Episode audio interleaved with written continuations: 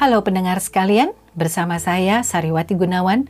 Mari kita bersama-sama menjalani a journey of your story di mana kita akan melakukan sebuah perjalanan untuk membangun diri kita menjadi lebih baik dari sebelumnya.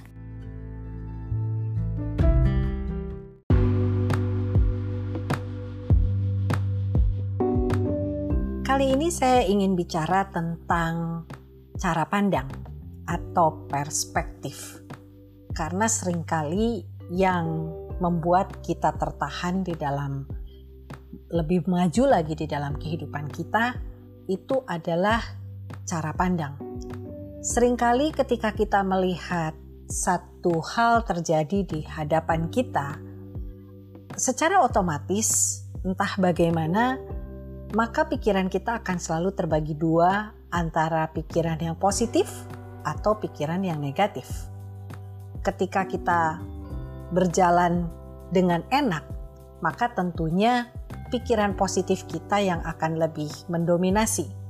Tetapi ketika mungkin hati kita lagi nggak nyaman atau situasi yang terjadi sedang e, sepertinya tidak mendukung kehidupan kita, maka sering kali pikiran yang negatif akan lebih mendominasi situasi tersebut.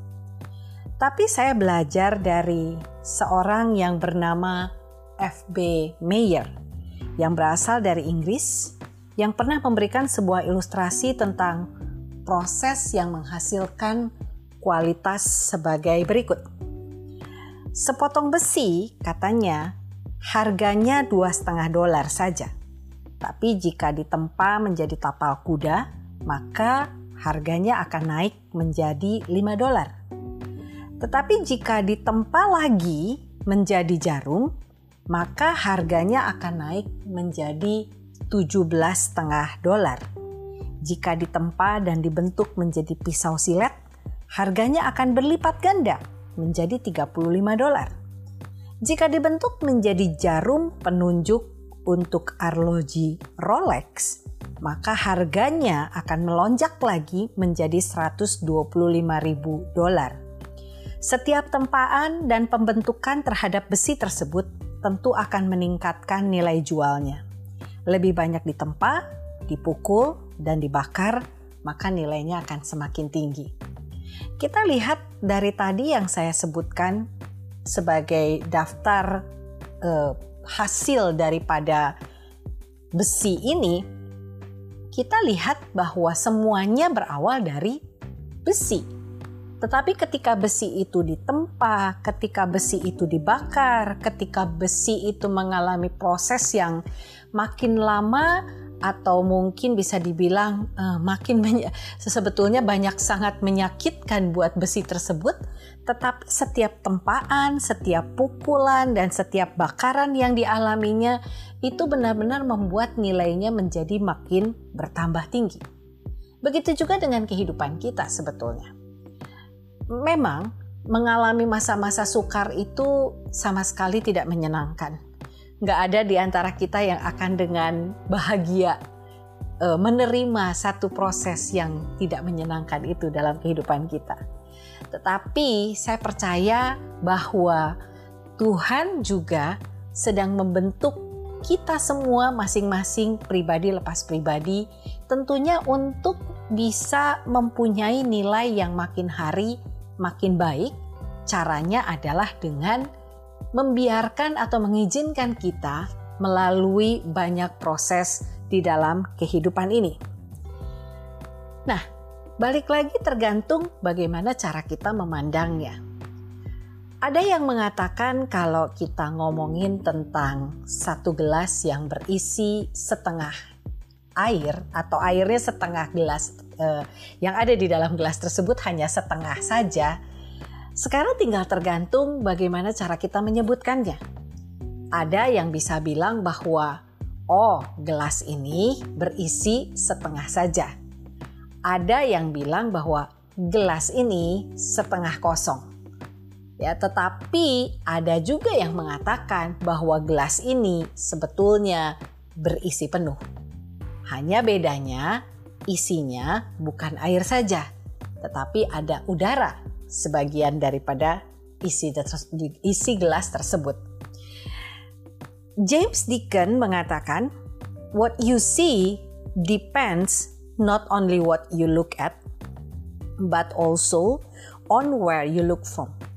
Jadi artinya apa yang kita pandang itu bukan hanya tergantung dari apa yang kita pandang, tetapi juga tentang dari mana kita melihatnya.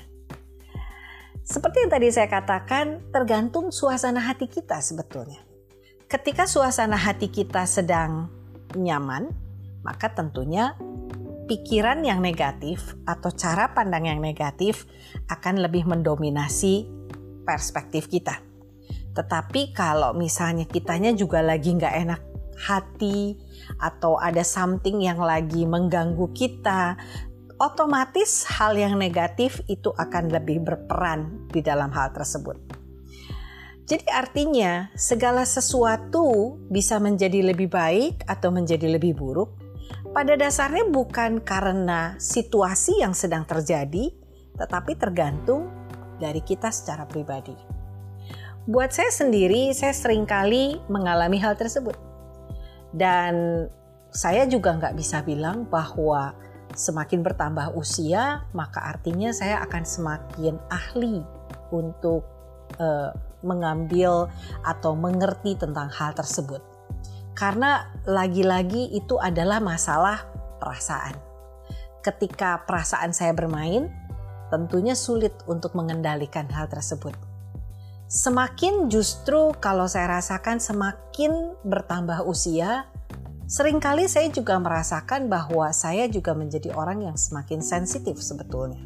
Sehingga cara pandang saya tentunya makin hari akan makin subjektif. Tetapi kita lagi perlu untuk uh, mendorong diri kita sendiri untuk melihat segala sesuatu itu lebih objektif. Jangan dilihat dari sisi perasaan kita saja. Kita perlu belajar untuk melihat bagaimana selama ini perspektif kita. Saya secara pribadi harus mengakui saya tipe orang yang sangat-sangat reaktif. Uh, walaupun saya ngerti bahwa kita harus lebih respo, uh, apa lebih lebih merespons daripada uh, reaktif. Apa sih bedanya respons dengan reaktif? Kalau reaktif itu itu benar-benar spontaneous yang dipengaruhi oleh perasaan kita atau pikiran kita pada saat kejadian itu sedang berlangsung. Begitu orang melempar bola kepada saya, bagaimana reaksi saya? Saya akan menangkap bola tersebut dan menyembunyikannya, atau saya akan menangkap bola tersebut, mengembalikannya pada orang tersebut secara spontan, atau saya akan menangkis bola tersebut sehingga bola itu akan lari ke tempat yang lebih tidak terkontrol. Atau mungkin juga saya akan berlari menjauh dan membiarkan bola itu pergi begitu saja. Itu yang namanya reaktif. Tapi kalau respons, respons itu biasanya eh, cara pikir kita itu ikut bermain. Ikut bermain dalam arti kita mempunyai sedikit waktu, meskipun mungkin in a very short time, eh, benar-benar singkat, tetapi otak kita eh, berpikir secara lebih positif biasanya. Sehingga respons kita biasanya itu akan menghasilkan sesuatu yang lebih baik dibandingkan kalau kita reaktif. Nah, itu yang saya pelajari ketika saya sendiri mengalami banyak peristiwa dalam kehidupan saya. Saya nggak bilang bahwa saya sudah sangat pandai dalam hal ini. Seperti tadi saya bilang, saya juga belajar dari waktu ke waktu.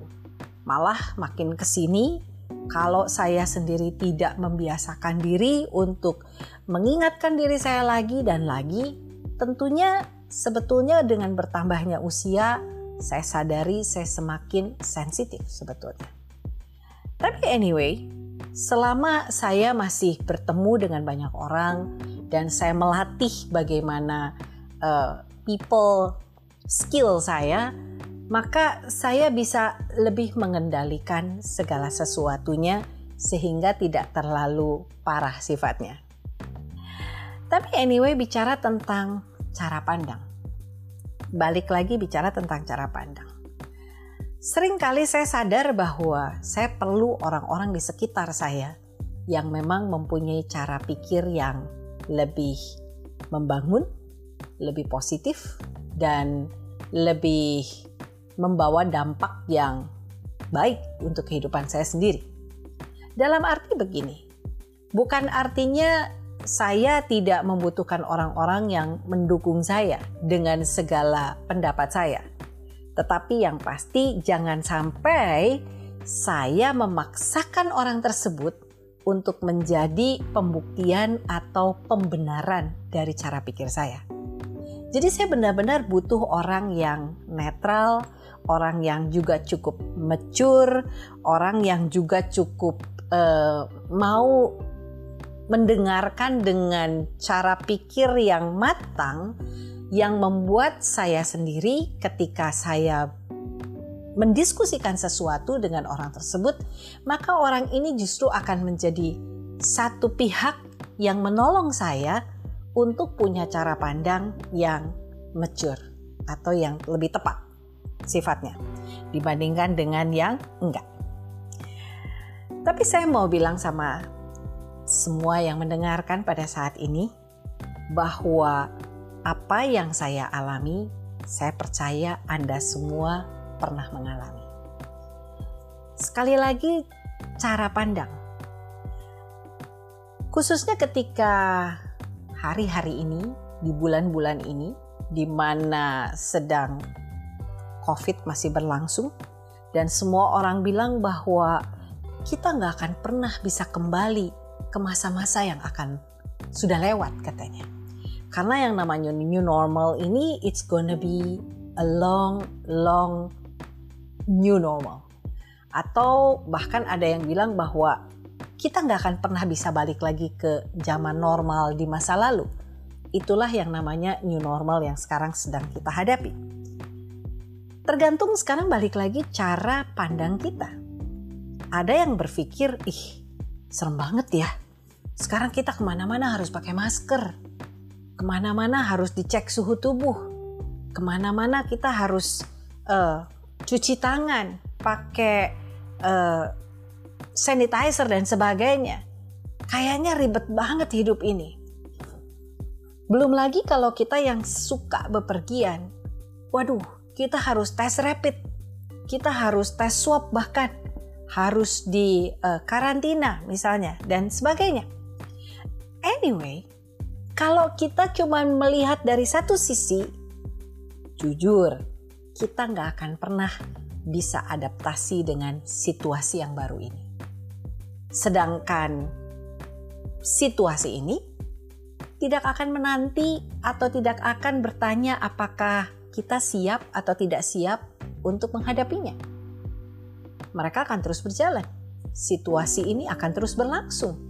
New normal ini, it's gonna happen. Tetap akan terjadi sebagaimana mestinya. Karena mereka tidak akan bertanya dan tidak akan menunggu kesiapan kita untuk melewatinya jadi kalau seandainya kita punya cara pandang yang sempit, akhirnya saya rasa pilihannya cuma dua. Kita mungkin tidak bisa bertahan, atau mungkin kita mencoba bertahan, tapi akhirnya nggak ke mana-mana juga. Ya udah, kita stuck in our situation. Tapi kalau misalnya kita punya cara pikir atau cara pandang yang baru, saya rasa dan saya melihat ada begitu banyak orang juga mereka dengan cepat beradaptasi dengan situasi yang baru ini, justru mereka bisa bilang bahwa saat ini, season ini, musim COVID ini, itu adalah merupakan satu uh, stage yang baru atau satu pijakan yang baru yang membuat kehidupan mereka justru mengalami peningkatan. Kita nggak pernah bisa tahu apa yang terjadi.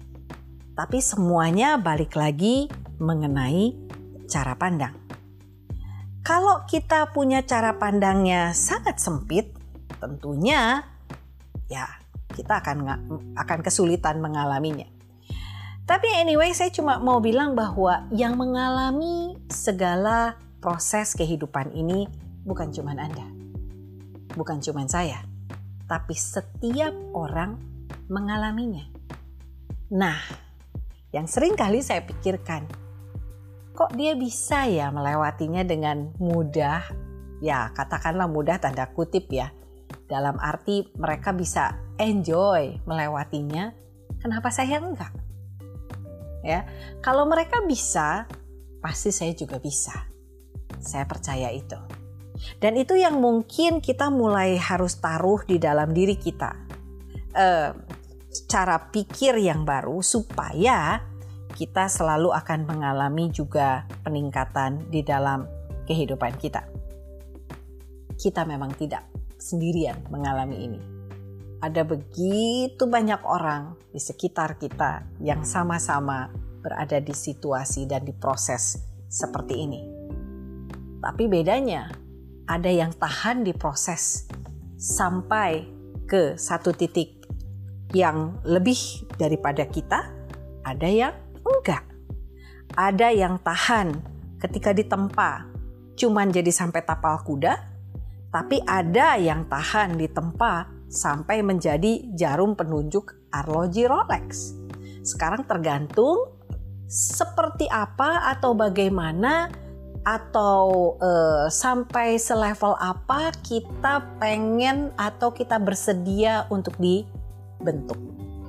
Kalau kita cuma merasa puas atau merasa cukup untuk menjadi tapal kuda atau jadi jarum atau jadi silet doang, ya udah cukup sampai situ selesai tapi kalau kita ngerasa nggak bisa, aku tahu value aku itu lebih daripada itu. Saya tahu nilai yang ada di dalam diri saya ini bahkan bisa lebih dari jadi jarum penunjuk Rolex. Mungkin saya bisa jadi lebih dari itu. Saya mungkin bisa ditempa untuk jadi badan pesawat terbang misalnya. Sehingga saya bisa sampai ke bulan misalnya Terus terserah bagaimana kita melihat dan seberapa daya tahan yang kita punya untuk kemudian kita mengalami proses demi proses itu sampai ke titik yang paling maksimal yang kita sanggup. Gak ada yang memaksa Anda untuk terus maju, tapi juga gak ada yang menahan Anda untuk terus maju. Gak ada yang memaksa Anda untuk mendorong diri terus-terusan uh, seakan-akan tidak ada habis-habisnya proses yang Anda alami, tapi juga nggak ada yang bisa nahan Anda sebetulnya untuk bisa lebih daripada hari ini. Dan saya percaya bahwa setiap kita kalau kita ditanya tentunya ingin mempunyai cara hidup yang lebih baik dan lebih baik dan lebih baik dan lebih baik lagi. Setuju? Ya.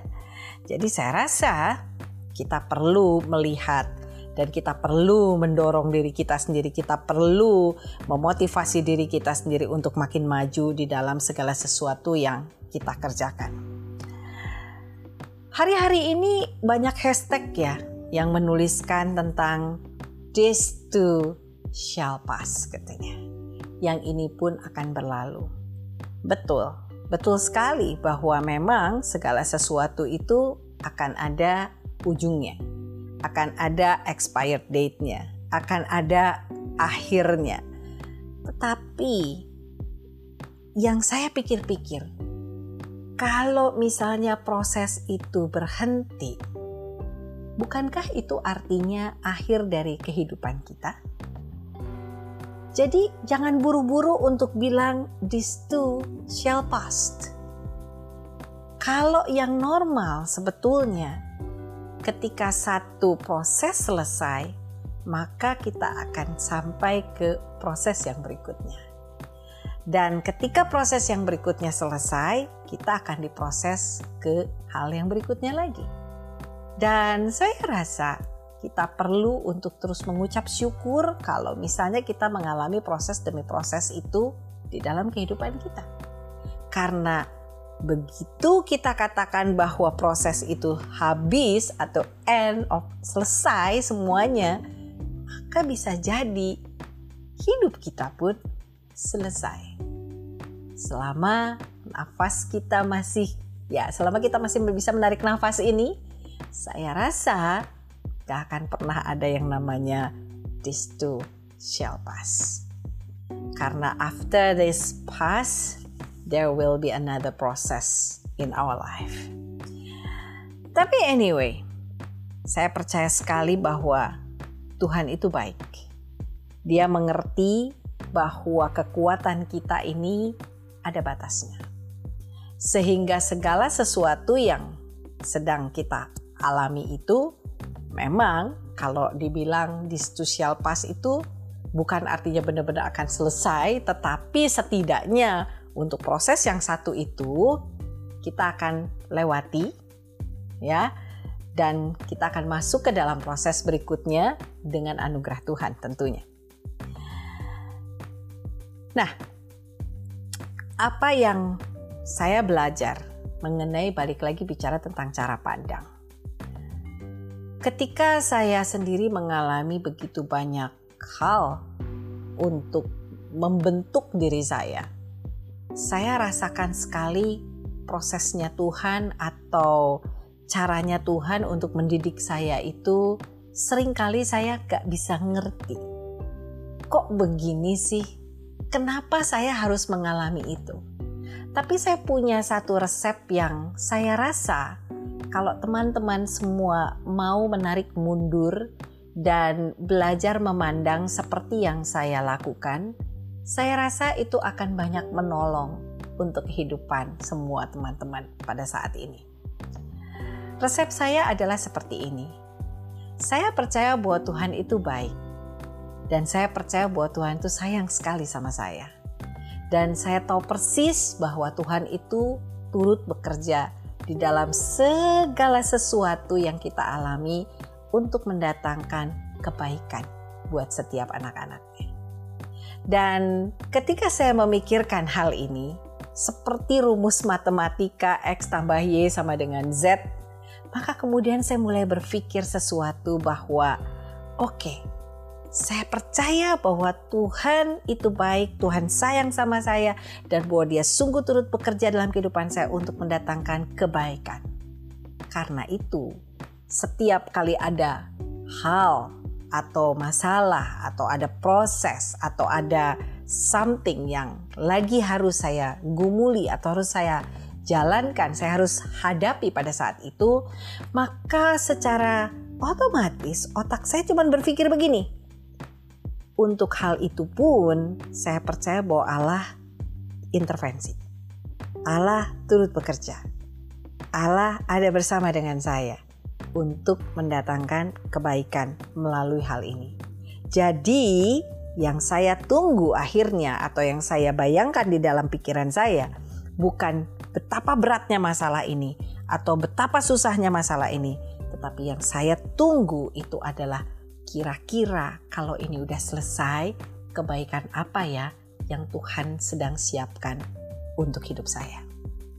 Dan setiap kali saya punya cara pikir seperti itu, itu seperti memberi kekuatan buat saya untuk melewati setiap proses itu. Karena setiap kali saya tahu, saya punya pengharapan di ujungnya. Setiap kali saya sadar ada hadiah di balik itu semua, ada reward, ada sesuatu yang baik yang menunggu di ujung proses yang saya hadapi. Sama seperti kalau misalnya kalau buat saya pengalaman yang paling nggak saya suka itu adalah pergi ke dokter gigi. Karena setiap kali harus dengerin bunyi bornya, kemudian oh, uh, apa namanya uh, obengnya kotak-katrik di di dalam mulut saya gitu tanpa saya tahu apa yang sedang terjadi di dalamnya itu semua nggak nyaman. Saya yakin semua orang nggak suka pergi ke dokter gigi. Tapi toh saya harus lewati itu karena saya tahu ujungnya bikin gigi saya lebih bagus dan lebih nyaman. Dan setiap kali saya bertahan dengan setiap proses itu sambil membayangkan di ujung giginya enak. semuanya nyaman. Begitu juga dengan setiap proses kehidupan saya. Saya percaya proses yang gak nyaman ini sementara, tapi di ujungnya Tuhan sudah siapkan satu reward yang luar biasa. Dan itu selalu memberikan kekuatan buat saya. Dan saya harap untuk teman-teman semua yang mendengarkan hari ini, cobalah punya perspektif yang berbeda setiap kali ketika kita menghadapi satu proses kehidupan yang Tuhan izinkan dalam kehidupan kita. Karena kita percaya setiap proses itu Tuhan ada di baliknya. Tuhan turut bekerja di dalamnya. Dia selalu intervensi. Selalu tujuannya adalah untuk kebaikan.